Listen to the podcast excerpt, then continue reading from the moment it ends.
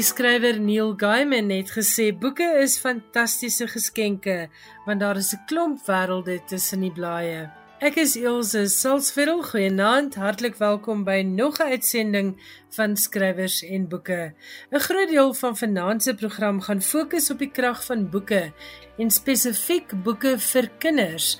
Ek gaan jou onder andere meer vertel van 'n oulike boektrollie projek waarvoor jy dalk 'n verdienstelike laerskool in jou omgewing kan nomineer. Ek gesels ook met die kinderboekskrywer Antoinette Venter en Johan Meiburg vertel meer oor die polemiek wat uitgebreek het rondom veranderings aan Roald Dahl se kinderboeke. En uit Fos nuus oor 'n nuwe boek deur Simon Sebag Montefiore wat op 'n averegse manier na die wêreldgeskiedenis kyk. Dit dan vanaand se skrywers en boeke spyskaart. Ek hoop jy geniet die program hier op RSG en baie dankie dat jy saam met my en Johan Meiburg vir die radio kuier.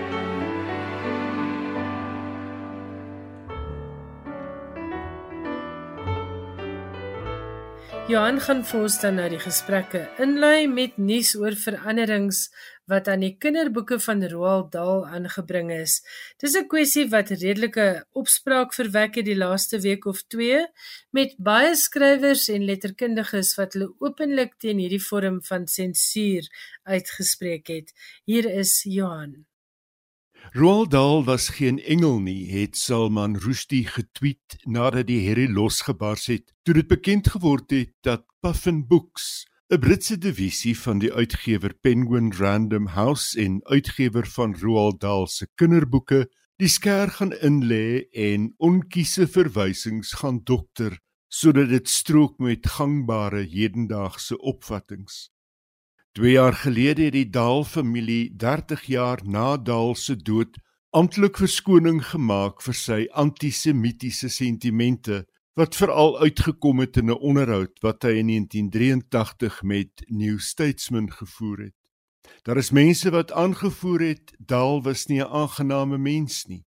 Sy eerste vrou, die Amerikaanse aktrise Patricia Neal, het 'n leeue aandeel gehad in die voorstelling van Dahl en dit is sy wat na hom as Roald the Rotten verwys het. En donker is sy stories daarby gewis. Dis verhale wat vertel van vraatsigheid en vrouens wat hulle mans wurms voer en kleintjies wat deur reuse verorber word of deur haar en toonlose hekse verander word in muise. Die donker kant wat deur die eeue 'n bestanddeel was in kinderlektuur, dink maar aan die verhale van die broers Grimm of Heinrich Hoffmann of 'n kleuterrympie soos Ringe Ringe Roses, was gewis deel van Roald Dahl se mondering. Roald Dahl was geen engel nie, het Rushdie getweet, maar die soort van sensuur is absurd, het hy voortgegaan. Puffin Books en die mense wat die Dahl nalatenskap bestuur, behoort hulle te skaam. Van die veranderinge wat voorgestel word is onder meer aan Augustus Gloop, Charlie se vraatsige teenhanger in Charlie and the Chocolate Factory wat in 1964 verskyn het. Augustus Gloop sal voortaan nie meer enormously fat wees nie, net enormous. In die opgekikkerde weergawe van Witches is 'n vrou met bonatuurlike kragte wat wil deurgaan as 'n gewone vrou nou 'n top scientist or running a business in plaas van 'n cashier in 'n supermarket or typing letters for a businessman. Die woord black as beskrywing van die vreesaanjaende trekkers in The Fabulous Mr Fox is voortaan murderous brutal looking monsters. Die veranderings wat Puffin Books wil aanbring, staan in die lig van die debat oor kultuursensitiwiteit in voorstanders van die siening wat jong mense wil beskerm teen kulturele, etniese, gender en ander stereotypes in literatuur. Intussen het Pen America met 'n ledetal van 7500 skrywers wat hulle beywer vir die reg van uitdrukking, sy skok uitgespreek oor die verandering aan Dahl se boeke.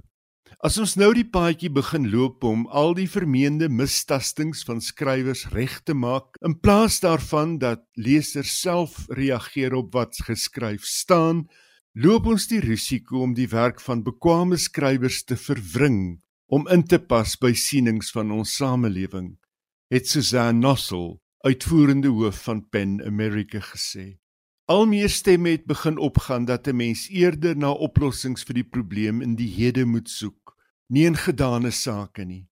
'n Mens sou kinders tuis en in klaskamers met sensitiwiteit vir ander standpunte kon grootmaak en 'n mens sou ewenigs nuwe boeke die lig kon laat sien wat 'n ander kant van die werklikheid wys. Nou ja, dit wil vir mens voorkom hoe meer dae, hoe meer dinge is daar aan die gebeur. Baie dankie vir daardie bydrae, Johan Meiburg. Jy luister na skrywers en boeke, jou belangrikste bron oor Afrikaanse boeke. Nou stel ek luisteraars graag voor aan Antoinette Venter, skrywer van die Kinders van die Gode reeks. Die eerste boek, Die Geheim van die Bloedsteen, het in Junie 2021 verskyn en dis pas opgevolg met Die Profesie van die Bloedparel. Ek wou by Antoinette weet hoekom sy besluit het om 'n kinderboekreeks oor die gode van die Romeinse en Griekse mitologie aan te pak. Goeienaand Antoinette, baie welkom by Skrywers en Boeke. Goeienaand Ilse, baie dankie vir die geleentheid om met julle te kan gesels.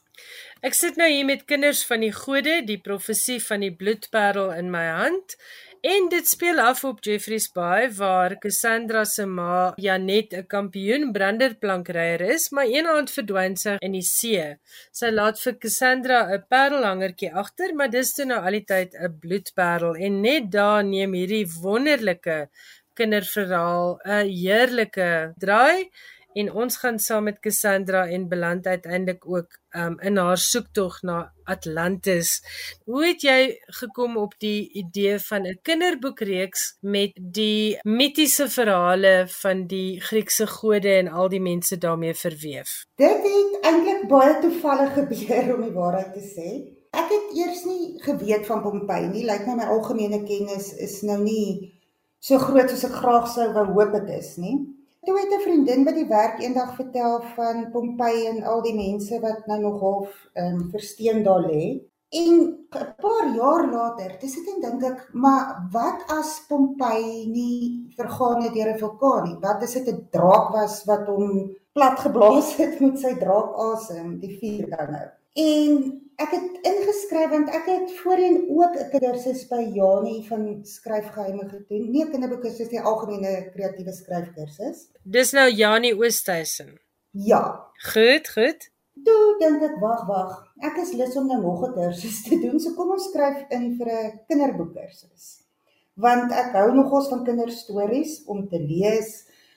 Ehm um, en ek dink toe nou nog op daai stadium ek sit daar vir nou om te skryf want jy kan lekker jou verbeelding gebruik en so aan. En ek skryf toe in en ek sê vir ek het hierdie idee van ek wil 'n karakter in Pompeii laat gaan en hy moet Pompeii red van 'n draak wat dit gaan vernietig. Maar dit moet 'n Suid-Afrikaanse ouetjie wees wat so toe gaan. Dis sê sy sy was nou aanvanklik bekommerd toe sy gehoor het ek wil dit nou in 'n ander land laat afspeel want eintlik in Suid-Afrika werk dit nou beter as kinderstories nou in Suid-Afrika afspeel. Maar dit is goed ek het, ek het hom geanker in Suid-Afrika, so dit is goed. En toe ek nou maar gaan sit en dink wat het die draak al die jare nou in toom gehou en hoe sit laat die draak nou gaan skielik begin sy vuur blaas en so die een ding gelei tot die ander. Toe ek nou okay, daar moet 'n bloedsteen wees wat die draak bind in die berg waaruit sal die bloedsteen dan nou bestaan? En dis toe nou hoe ek nou gedink het, wag, laat ek dan nou die mitologiese gode se bloed gebruik. Want op daardie stadium het ons baie na Spartacus op Netflix ook gekyk. So toe ek wag, kom ons bring 'n bietjie daai tyd se slawe in. Dit is nou maar hoe die idee basies ontstaan het. Dis nou die eerste boek in die reeks, Die geheim van die bloedsteen. Ja. Ek het nou geskryf en ek is toe nou doenig hierso met die mitologiese gode en ek geniet dit gate uit en ek skryf laat dit klap en ek het dit toe nou vir Protea gestuur. Intussen het ek hier my gedagtes gehad, wag, ek wil 'n storie oor Atlantis opskryf. Ek weet nie hoe hoekom ek dit gedink het, ek het net gedink, wag, soos wat dit nou bestem is of met geluk. Hierso laat weet Protea toe nou vir my, nee, hulle aanvaar die boek, maar hulle dink ons kan dit in 'n reeks uitbring. Moet ek gaan sit en dink, okay, ons gaan nou Atlantis toe en dit moet nou weer want dit is nou 'n reeks. So dit moet nou weer met die mitologiese gode te doen nou wees. En toe dink ek maar wag, Atlantis, dis nou 'n klein probleempie want in die geheim van die bloedsteen was dit die Romeinse gode. Maar nou om 'n hele reeks te gaan skryf net oor die Romeinse gode, dan kan ek nou nie vir Atlantis gebruik nie. Ek dink ek wag wag, want Atlantis was die Griekse gode. Mm. Dan maak ons nou so. Dan het ons nou drie verskillende gode. So daar is 'n derde een op pad, Watter gode is daarin? die Egiptiese gode. O, wonderlik, wonderlik. Ja, want dan gaan daar nou 'n finaal wees waar die drie saamkom by die Bermuda driehoek. Want dit is nou drie verskillende gode. En dis die geheim rondom die Bermuda driehoek. Maar nou hardloop ek die ding vooruit. Goed, nee, ons gaan geduldig wag vir hom. Die eerste twee kinders van die godeboeke ja. Is uit dis beskikbaar op die rakke. Dit was vir my 'n heerlike verrassing om daarop af te kom. Ek hou ook baie van die tekeninge. Um ek dink dit is regtig nogal 'n aanwins vir Afrikaanse kinderlektuur. Theodor Key het die uh lyntekeninge gedoen en dis regtig baie oulik. Maar hoe het jy by kinderboeke beland? Ek weet jy het al 'n romansa geskryf en ander liefdesverhale. Vertel vir ons net so 'n bietjie meer van jou hele skryfpad. Ek is van kleins af versot op stories. Ek dink dit het begin toe my ouma vir my begin met haarself opgemaakte stories vertel het toe ek nog baie baie klein was voor ek skool toe is. En ek het dan nou elke oggend getel in die bed gaan lê en dan sy nou vir my verder vir my vertel van my en die denkbeeldige krimpvark se avonture die aand. So ek dink dis waar my liefde vir stories geprikkel is. En toe ek sip A toe gaan, toe sê ek vir my ma ek wil graag nou op aan stories skryf. Maar toe kan ek nou nog nie lees nie, so dis nou nog nog 'n probleem want toe gaan jy nou stories skryf as jy nie kan lees nie. Eerste week in sip A, toe ag ek lyk net is maar 'n vreeslike kindjie ook gewees. Toe kom ek nou by die huis, toe's ek nou in trane want ek is nou al 'n week in die skool en ek kan nog nie lees nie. Dit is nou 'n krisis. Ehm um, want ek wil nog die huisgenoot ook wees. So toe vat my ouma my en my ma en hulle het my toe nou leer klank in toe ek die volgende week terug gaan skool toe, kan ek nou nog ons myself help met Boet en Saartjie en al daai storieetjies. En so het ek nou maar klein storieetjies geskribbel, goedjies opgemaak. Deur my hoërskoolloopbaan ek het baie baie baie kortverhale geskryf en probeer instuur of ingestuur vir tydskrifte. Dit probeer inkry, maar daai tyd het ek nou nie eers 'n tikmasjien gehad nie. So ek het dit nou maar in die hand geskryf en dan ja, elke keer 'n nee dankie briefie gekry as jy nou nog iets gekry het. Maar ek het baie opgewonde die posbus dopgehou. En soos ek sê elke keer nou maar 'n nee dankie gekry, maar lyk like my ek hou daarvan om hoe gaan ons dit nou sê in Afrikaans? Sucker for punishment. Lyk like my ek ek hou daarvan want ek het aangehou en aangehou en aangehou. Of was dit nou hordes neus en ek ek elke week my ma maal gemaak en dan moet ons na die posbus toe gaan dat ons nou kan kyk of daar dalk nou 'n jaar in die posbus is vir die kort verhale nou. En toe ek nou klaar met skool, ag, het ek allerlei dingetjies gedoen, maar ek het nog steeds sê in my agterkop ek wil stories skryf. En toe begin ek deur die ehm um, deur die Nisa nou vir my rekening kinde te studeer nou in daai tyd het ek nie geskryf nie want dit was bietjie intens want ek het gewerk deur die dag en dan nou studeer in die aand en oor naweke. En die dag toe ek my laaste vak klaar skryf, toe sê ek nou, nou is die tyd wat ek inskryf vir 'n skryfkursus want ek wil, ek wil skryf. Want dit is vir my asof ek kan kalmeer as ek skryf. Dit is asof 'n deel van my nie daar's nie as ek nie skryf nie. dit maak sin, dit maak sin. Ek het vanoggend 'n uh, uh aanhaling raak gelees. Ek dink dit was van Maya Angelou wat gesê het hierdie hierdie behoefte om te skryf of die drang om te skryf is soos pyn in 'n mens. 'n Mens moet eenvoudig daaraan uiting gee. Maar sê vir my, die skryfkursusse, was dit vir jou iets wat jou baie gehelp het want baie luisteraars vra of dit die moeite werd is om in te skryf vir skryfkursusse. Ek dink dit het my baie gehelp, eerlikwaar. Kyk, ek dink jy moet die vermoë hê en jy moet die wil hê om 'n storie te kan vertel. So daai deel dink ek nie gaan 'n skryfkursus regtig voorhelp nie. Dit kan dalk met ehm um, goedjies waarmee hulle dalk jou kan net 'n so kernwoordjie gee wat nou kan ontwikkel in 'n idee. So dit kan seker help, maar ek dink dit help nogals as jy reeds klaar wil skryf. Maar toe ek nou die skryfkursus doen, toe het ek agtergekom daar's my baie tegniese puntjies wat jy nie van weet nie, simpel goed wat jy doen. wat die skryfkursus help regtig. Ehm um, want hulle leer jou nou van die shading ehm um, tel en van die perspektief. So jy lees al hierdie stories en jy dink wag ek gaan dit van self regkry. Ek dink daar is mense wat dit van self regkry. Maar vir my ek moes half gebuis word op oor so jy moet nou fokus op die verteller en jy moet darm nou maar let op jou paragrawe hoe jy dit dink en al daai goedjies. So ek dink dit is definitief die moeite werd. Al doen jy net 'n algemene skryfkursus net om die fynere besonderhede te kry en die goedjies uit te vind waarna die uitgewers regtig kyk. Soos ek sê, ek glo daar's mense wat sonder 'n skryfkursus net dit kan doen, maar ek het nou maar een nodig gehad want daar was tegniese punte wat ek nie van geweet het nie. Goed. Jy het nou al romantiese fiksie geskryf en kinderverhale. Jy het altesaam 11 boeke op jou kerfstok. Is dit uh, veilig om te sê jy geniet kinderverhale meer? Op die stadium van my lewe ja.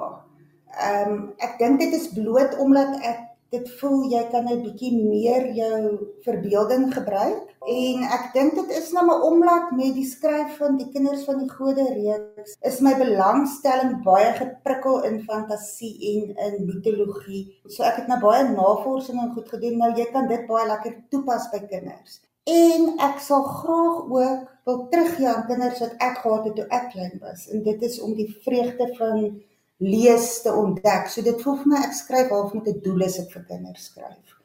Kom ons praat bietjie oor die belangrikheid van lees. Jy het nou genoem dat jy kleintyd nie kon wag om te leer lees nie. Ek was presies dieselfde in graad 1. Daar is hierdie absolute drang na boeke en nog boeke. Lees jy nog steeds baie? Ek lees nog steeds baie. Ek moet bieg nie so baie as ek wil nie, want my werk is op die stadium vreeslik veel eisend en dan probeer ek nou nog die boeke skryf ook so my leestyd is beperk op die oomblik. Maar ek probeer maar altyd besig te wees met 'n boek. Boonbehalwe dat dit vir my voel jy moet aanhou lees om jouself maar geoefen te hou en daar's nog so baie wat ek moet leer wat jy eintlik uit ander mense se werk kan leer. Want ek staan nou maar eintlik nog aan die begin van 'n skryfloopbaan. So dit voel vir my daar's nog baie baie baie wat ek kan leer en al hoe jy dit regtig kan leer is deur na ander mense se werk te kyk. Maar vir my is dit nie die primêre ding nie. Vir my is dit ek geniet stories. Ek sal seker maar vergaan as ek nie kan lees nie. Ek het maar altyd 'n boek waarmee ek besig is, maar ek kan nou nie soos op skool twee boeke 'n dag lees nie, want daar is eenvoudig nou nie tyd om dit te doen nie. Nee, mens moet nou eers werk ook om daai twee boeke 'n dag te kan bekostig, né? Nee. Dis nou die groot probleem. Op skool het ek weggekom daarmee. Ek het gemaak of ek leer en dan lees ek. Selfs in die klas, dan maak jy die handboek oop en sit jy die storieboek in. Eintlik met my jong lesers nou nie die ding hoor nie. Uh dis seker 'n bietjie stout. Maar ja, dis wat ek gedoen het, maar toe kon jy dit nog bekostig om te doen. Nou soos jy sê, jy moet nou werk om die boek te kan koop. ja.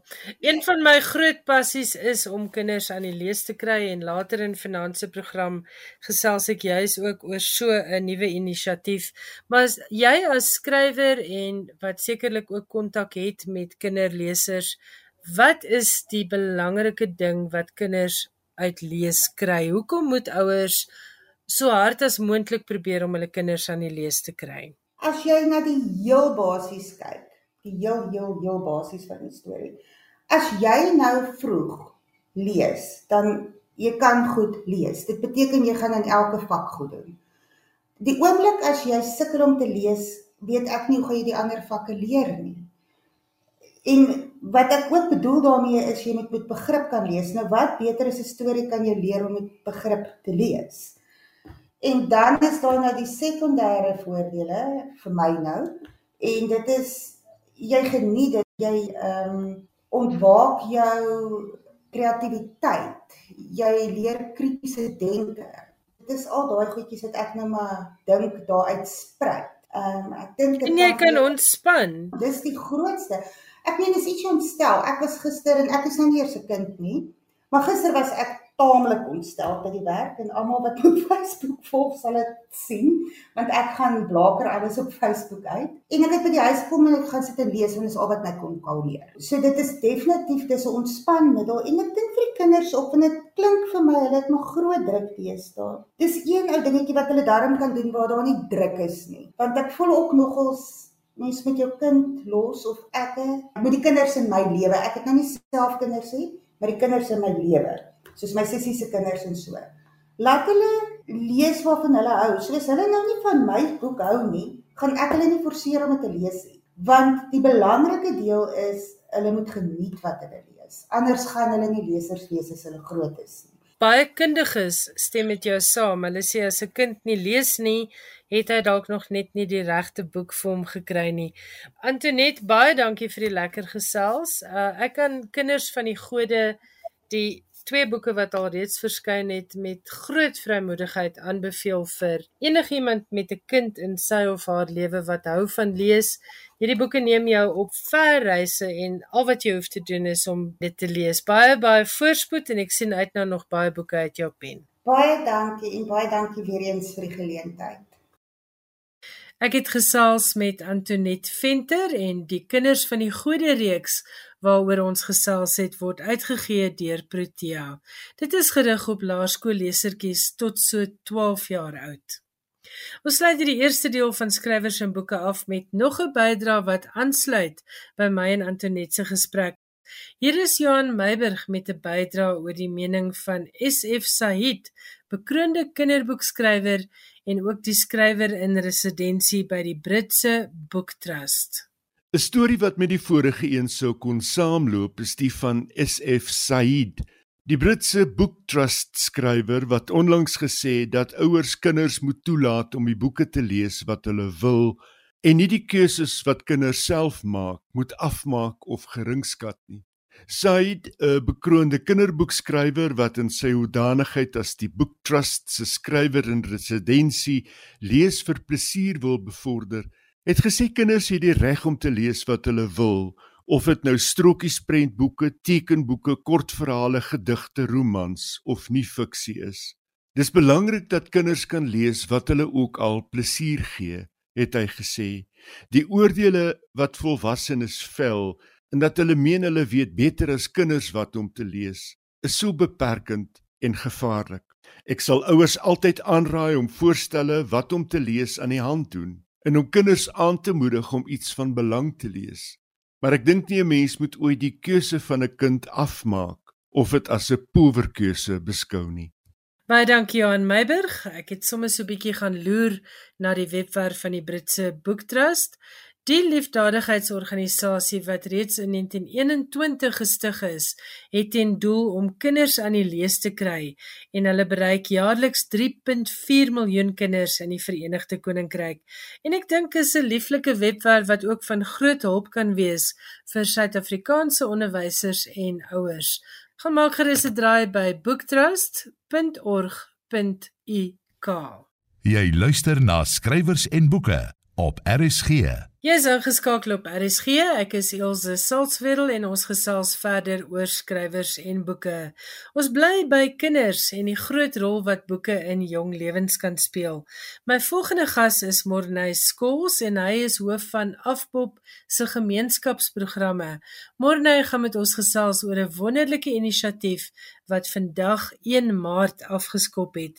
Dis die tweede jaar wat Afpop trolleybiblioteke weggee as deel van hulle Road to Literacy veldtog en 260 laerskole landwyd staan 'n kans om so klein mobiele biblioteekie te wen.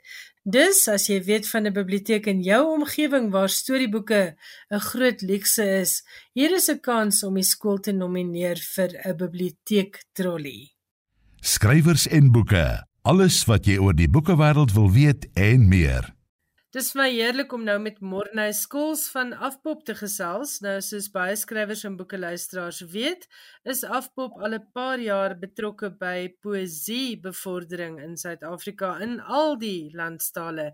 Maar ek was verras om uit te vind dat Afpop ook ander projekte het wat gemik is op die bevordering van leesvaardighede en ander letterkunde projekte. Ek sê nou graag baie welkom vir Morney Skols. Morney, dankie dat jy met ons gesels. Goeienaand Elsje. Ek moet ongelukkig vir jou luisteraars vir jou luisteraars laat weet dat ek eintlik 'n Engelse Morney is. So ek gaan die res van die onderhoud in Engels doen as dit reg is met jou asseblief. Dis big fun, dis dood reg want ons gaan nou 'n bietjie oor werk gesels en dis altyd 'n bietjie moeiliker.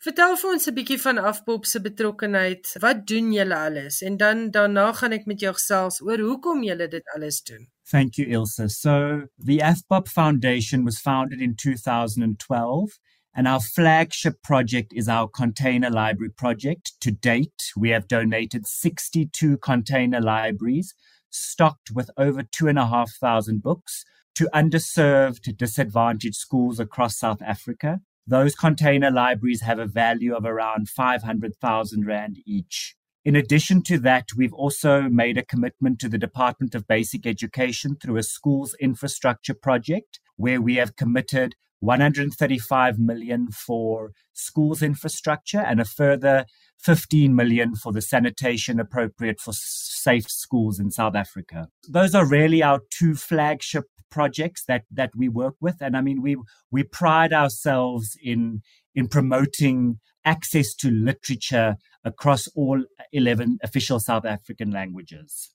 Mense wonder dikwels hoe het Afpop wat bekend is as begrafnisondernemers betrokke geraak by al hierdie wonderlike projekte in ons landstale. Wat is die agtergrond? Is iemand by julle baie passievol oor geletterdheid en letterkunde? Ilse, AFPOP is a mutual assurance society, which means that our shareholders are our policyholders. So, in the spirit of giving back to our policyholders, we sort of took on a commitment to the education space. A lot of our policyholders also happen to be educators. Um, it also helps that we can also enhance the teachers' access to resources for their learners. Dis fantasties, maar nou wil ek spesifiek met jou praat oor hierdie wonderlike boektrollie projek. Vertel vir ons 'n bietjie daarvan. Hoekom het julle besluit op trollies? Ek neem aan dit is maar net om dit ook by kleiner skole uit te kry.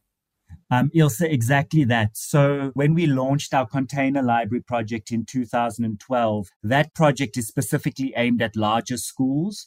Um, and we realized that we have a, many schools in South Africa who weren't meeting that criteria to qualify for a, for a container library. And our factory in Bloemfontein then designed and manufactured our AFBOB trolley library for us. In 2020, Oxford University Press reached out to us, knowing of our commitment to education, and asked if they could partner with us on what was meant to be a pilot project for the Road to Literacy campaign. So last year, we donated 180 trolley libraries. All of them were in English to schools across South Africa. This year's campaign, we're doing 260 trolley libraries. Each trolley has 500 books and this year, one of our biggest differentiators on the campaign is that we will be offering the trolleys in all 11 official South African languages as well. So there's an allocation per language out of that 260. Julle lê baie klem nou hierop dat moedertaal boeke belangrik is, maar waar pas dit in in die groter prentjie?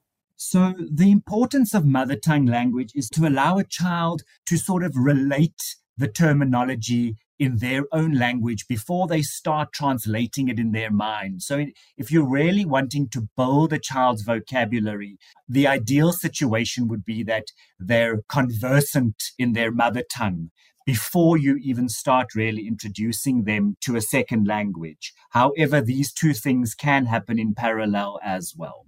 It should also be noted, Ilse, that experts through various studies have found that teaching in mother tongue helps to reduce dropout rates and also makes education more accessible and engaging for learners. Equally important to this, though, is that the promotion of literature has a knock on effect on the promotion of numeracy. So, in as much as this campaign is focused primarily on literature, our hope is that the knock on effect will also improve numeracy results. Daardie ou ou skakel tussen goeie wiskunde uitkomste en taalvaardigheid, nê. Net so. Baie dankie Morney dat jy met ons gesels het. Baie baie dankie aan Afpop vir die wonderlike projek. Morney, baie baie dankie vir jou tyd. Baie dankie Elsje. Baie dankie aan Morney Schools van Afpop. Baie dankie natuurlik ook aan Afpop vir hierdie Road to Literacy veldtog en alles wat julle ook vir die bevordering van 'n leeskultuur en die Suid-Afrikaanse letterkunde in die algemeen doen. Ek gaan nou gesels met Henry Pieterse en sy is die besturende direkteur van Oxford University Press en hulle verskaf die boeke vir die Afpop Trolley Biblioteke. Goeienaand Henry, baie welkom by Skrywers en Boeke en dankie dat jy met my gesels. Goeienaand Elsje en goeienaand aan al die luisteraars. Dis baie lekker om hier te wees en om te kan praat oor iets waaroor ek so passief voel, voel soos boeke. Wat het julle laat besluit om by hierdie wonderlike projek betrokke te raak? Die hele um, doelwit met die projek is dat ons deel 'n gesamentlike droom tussen Afpop en um, Oxford University Press dat ons wil hê dat elke kind in ons land um, moet lief wees vir lees en dat hulle in hulle eie taal kan lees. En daarmee het ons besluit ons moet boeke by die kinders uitkry wat in hulle eie taal geskryf is. En ons wil die nie alleen 'n leeskultuur skep nie, maar ons wil ook help om die land se groot krisis op te los in terme van dat daar so min kinders is wat kan lees met begrip in hulle eie taal. Ja, daar was onlangs weer berigte oor graad 4 ja. kinders ja. wat byna ja. glad nie met begrip kan lees nie. So hoe gaan hierdie biblioteek trollies werk? Watse soort boeke sit julle daar op? Vertel vir ons asseblief van uh alles wat julle gedoen het om seker te maak hierdie projek maak 'n groot bydrae. Kyk, ons het verlede jaar die eerste keer dit afbou begin met die Road to Literacy en ehm um, ons het toe ingekom saam met hulle. Toe het ons um, 150 trollies ehm um, het hulle vervaardig en ons het die trollies gevul met 430 boeke. Op daai stadium het ons net Engels gedoen want logisties is dit natuurlik moeilik want jy weet nie watter skole gaan wen nie en derhalwe weet jy nie watter tale relevant is nie. Maar hierdie jaar gaan ons die logistiese uitdaging aanpak en ons het um, boeke in al 11 amptelike tale en ons hoop om trollies by skole uit te bring wat relevant is vir die omgewing waarin hulle bevind. Goed, kan skole en nie winsgewende organisasies hiervoor aansoek doen of hoe werk dit? Wie kry 'n trollie? Ja, weet jy wat ons het aanvanklik ehm um, wou ons self nomineer en dit ons besluit nee, 'n mens moet die hele land mobiliseer hier rondom. So enige iemand kan aansoek doen en kan 'n skool motiveer wat hulle voel 'n verdienstelike skool is en 'n motivering skryf oor hoekom hulle dink hierdie spesifieke skool kan baat vind by so 'n mobiele biblioteekie wat rondgeskuif kan word in die skool en dat enige kind in enige klas kan voordeel trek daaruit. So die skole kan self nomineer of ouers of enigiemand van die publiek kan. So waarheen gaan mense met hierdie aansoeke? Is daar 'n aanlyn ja. bron? Ja, daar's um, op al ons sosiale media en ook op die uh, webtuiste van Afpop en Oxford University Press, maar al die sosiale media, uh Twitter, um Instagram, Facebook kan hulle 'n link kry en dit sal hulle vat na die bladsy waar hulle die motivering kan oplaai. Goed. Ek wil met jou praat oor die krag van boeke in 'n land soos Suid-Afrika. Jy is self by Oxford Press uh betrokke. Ek neem aan as jy uitgewer is, is jy absoluut passievol oor boeke en oor lees. Kan ons net 'n ja. bietjie praat oor wat boeke kan doen vir 'n land soos Suid-Afrika? Weet jy wat, natuurlik is daar allerlei medium wat opvoedkunde en uh kennis na leerders toe kan bring, maar boeke bly steeds die heel goedkoopste manier om mense te bereik. In in ons land spesifiek waar daar nie baie geld op sy gesit word om leesvaardigheid um, te bevorder nie. So enige kind moet in hulle eie moedertaal kan lees. Daar's soveel navorsing gedoen daaroor. Daar's soveel bewyse dat as 'n kind die taal wat hy hoor by die huis ook 'n geskrewe taal kan vestig, dat hulle leesbegrip baie beter is, hulle leerbegrip baie beter is, hulle baie beter vaar op skool. So nie alleen is dit 'n manier jy moet lees om te kan leer nie. Ehm um, as jy nie kan lees nie, kan jy nie leer nie, want dit raak 'n hindernis verder in jou loopbaan. Maar boonbehalwe vir dit, dink ek is die ontvlugting. Ek dink ons almal wat met boeke groot geword het, besef hoe boeke jou op reise kan neem. Hoe dit jou kan blootstel aan ander wêrelde, hoe jy kan ontvlug in um in drome. Die trefkrag van boeke is net iets waaroor ek kan nie ophou daaroor praat nie want dit kan net so 'n groot verskil maak in ons land as ons iets daaroor kan doen en kan saam staan om daai probleme op te los. Dis ook hoekom ek altyd vir luisteraars vra om asseblief hulle kinders se boeke eerder weer ja. te deel met iemand of 'n instansie of 'n skool ja. sodat kinders kan lees en sodat kinders nou die boek wat jou kind nou geniet het kan lees en nie eers oor 10 jaar wanneer die boek dalk alweer oud is en die idees uit die mode uit is nie.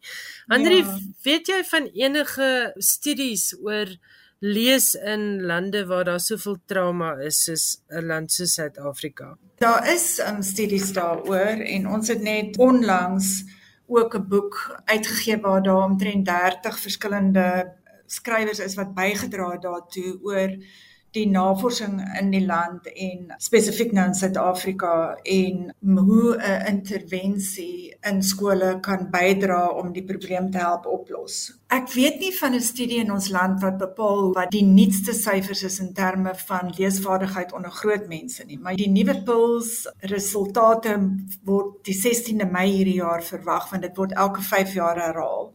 En dis skokkend met die impak van COVID ook dat dit lyk asof daai statistiek van waar 78% nie met begrip kon lees op graad 4 vlak nie nou gaan opskuif heel waarskynlik na 82% toe. En natuurlik met media, allerlei tegnologie deesdae is mense se aandagspan is korter en hulle lees snippets van goed, klein uittreksels, maar mense dink hulle het nie meer nodig om boeke te lees nie. Maar 'n boek is 'n ander ding want dit gee vir jou blootstelling aan 'n storie, aan karakterontwikkeling, aan soos ek sê ontvlugting na ander plekke toe. Dit het 'n totale ander waarde as ander vermaak wat 'n mens kry deur TV-programme te kyk ensovoorts.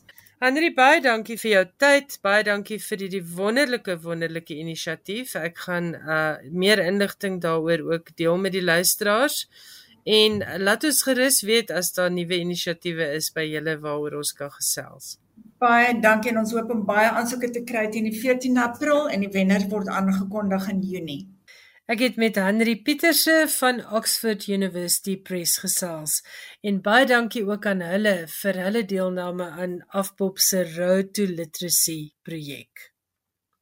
Ek verduidelik net graag weer enige iemand kan 'n laerskool iewers in Suid-Afrika nomineer vir een van Afpop en Oxford se trolley biblioteke of biblioteek trolleys dan.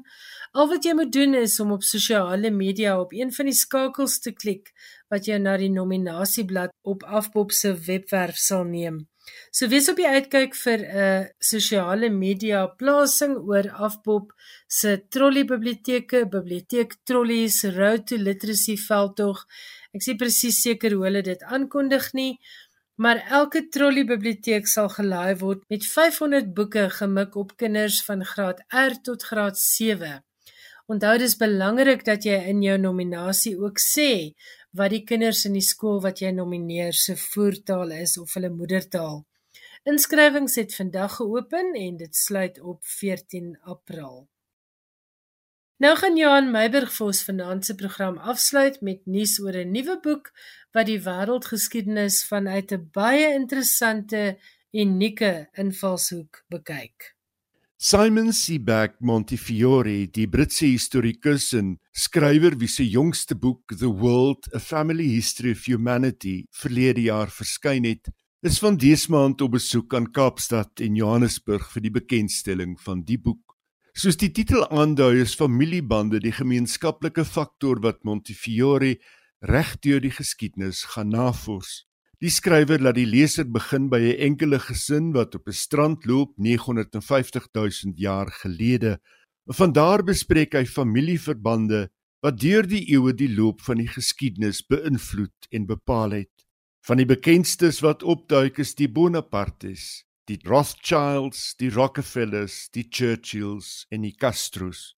Die uitgewer Jonathan Ball beskryf die boek as die aangrypende verhaal van die mensdom met al sy vreugde, leed, romanse en wreedheid. 'n Enkele verhaal wat die seggingsmoontlikhede van geskiedenis verruim. The World: A Family History of Humanity deur Simon Sebag Montefiore kos 'n raps meer as R600. Hier is Montefiore aan die woord oor sy jongste boek.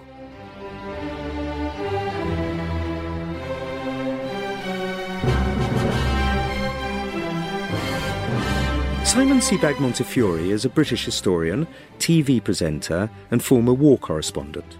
Amongst his many best selling books are Stalin, Court of the Red Tsar, Jerusalem the Biography, and The Romanovs.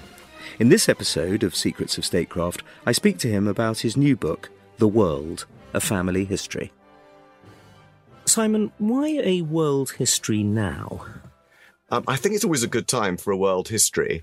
Um, but in terms of turbulence, it gives a it gives a wonderful perspective that can be both consoling and and terrifyingly alarming as well.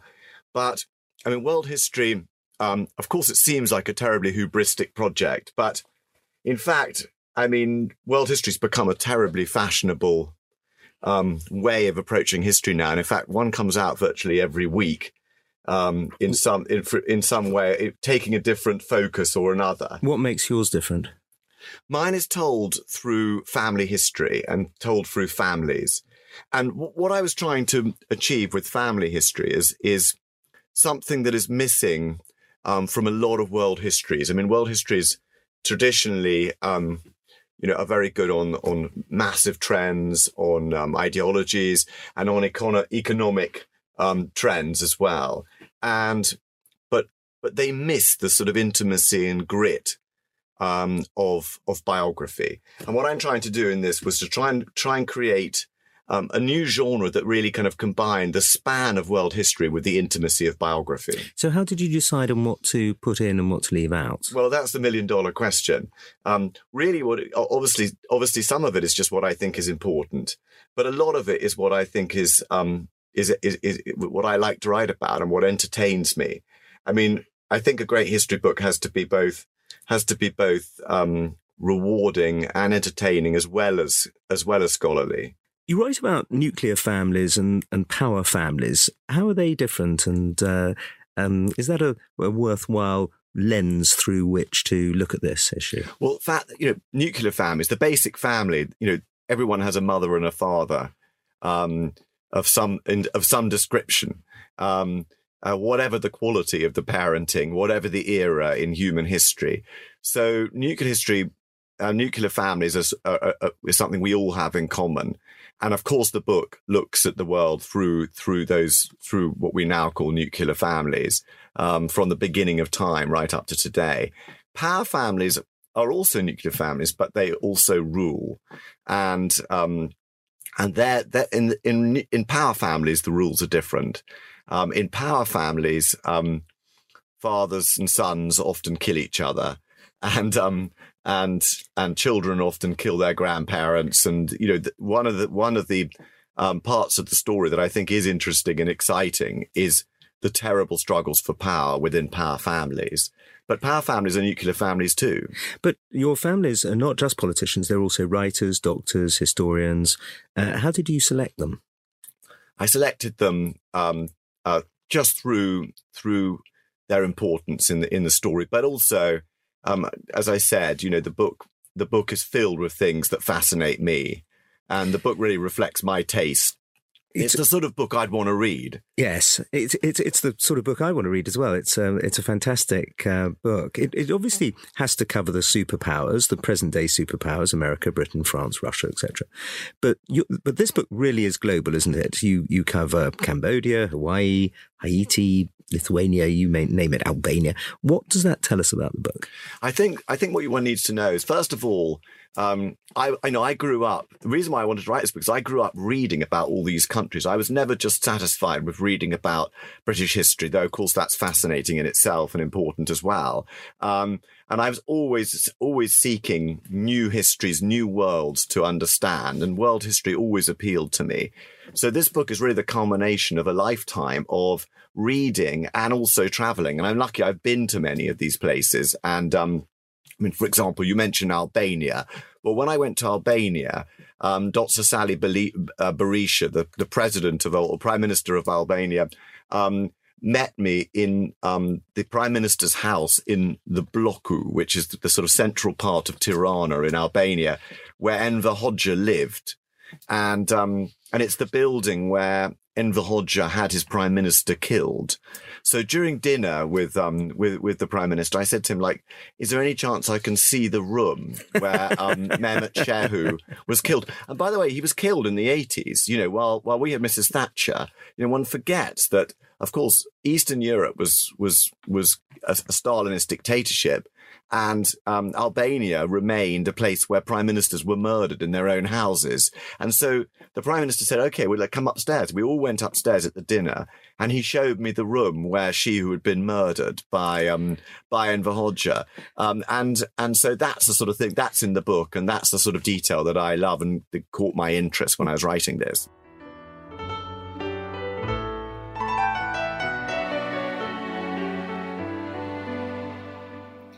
Dit was die stem van Simon Seabag Montefiore. Hy toer binnekort hier in Suid-Afrika en hy het gesels met Andrew Roberts en hulle het gesels oor Montefiore se nuwe boek The World: A Family History of Humanity.